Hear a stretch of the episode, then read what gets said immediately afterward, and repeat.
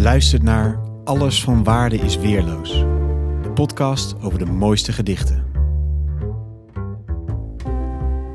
Mijn naam is Allard Amelink. In elke aflevering vraag ik een luisteraar naar zijn of haar favoriete gedicht. Zo bouwen we samen een kanon van de mooiste poëzie. In deze aflevering hoor de keuze van... Vrouwtje Tuinman. Dag vrouwtje, wat leuk dat je meedoet aan deze podcast. Dankjewel. Uh, dit jaar won jij de Grote Poëzieprijs uh, voor je dichtbundel Lijfrente. En dan vraag ik me af, wat, hoe gaat het in zijn werk? Wat moet je doen om de Grote Poëzieprijs te winnen? Ik denk dat je vooral niks moet doen. Uh, ik heb in ieder geval zelf nooit geschreven met als idee, ik ga hier eens een prijs mee winnen. Um, het kwam voor mij als een volkomen verrassing dat ik werd genomineerd.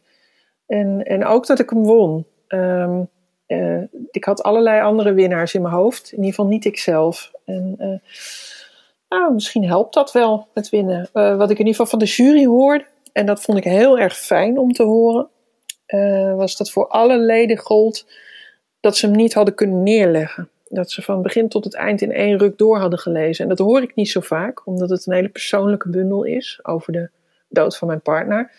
En mensen in mijn eigen omgeving, die kunnen juist altijd maar één gedichtje aan.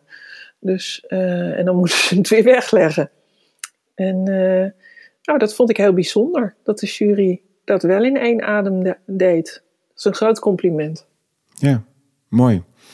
En uh, welk gedicht heb je uitgekozen? Van Frank Starik, mijn overleden man. Ja, precies. het gedicht Bingo. En waarom dat gedicht? Ja, de, de, de dichter kan ik me goed voorstellen. En waarom dat gedicht van hem? Uh, bingo speelt zich af in het uh, verpleeghuis van zijn uh, moeder. En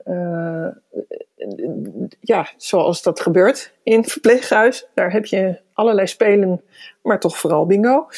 En zij is deze week overleden. ze heeft zeven jaar in het verpleeghuis gewoond, waarvan Frank er zelf vijf jaar heel erg bij betrokken is geweest. In dit gedicht in extreme mate zelfs.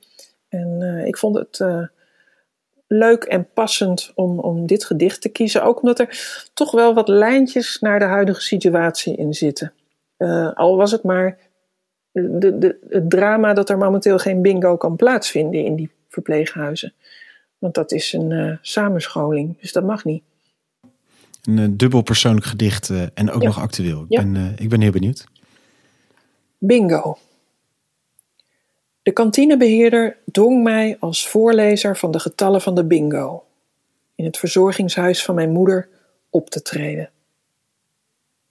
De getallen moest ik allemaal twee keer uitspreken. Deze voorwaarde bleek een zwaar bevochten overwinning van het vergeetkamp. Het bij de Pinkenkamp vond dan weer dat het allemaal wel wat vlugger mocht. Gaandeweg ontstond de neiging om aan sommige getallen een kleine uitleg mee te geven. Neem bijvoorbeeld 1 is maar alleen, 2 fijn samen, 3 is heilig, 4 Renault, oud model, 5 is een schijf, 6 maar net voldoende, 7 is geluk, 8 voor altijd, 9 is verlegen, wie niet weg is, is gezien. Opnieuw verdeelde de zaal zich nu in twee nieuwe kampen. Het kamp van de mensen die weten dat ze hier hun tijd stuk slaan, en het kamp van de mensen van stel je niet aan. Je kon als hoofdprijs een wasstijltje met een paar producten van de Action erin winnen. Van dat spul dat niemand wil hebben, maar toch koopt.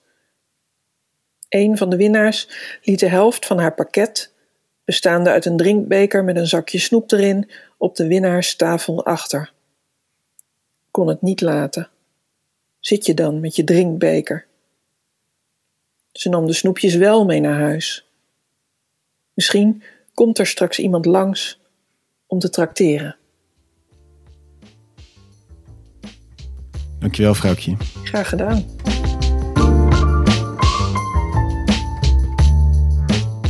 Dank voor het luisteren naar Alles van Waarde is Weerloos.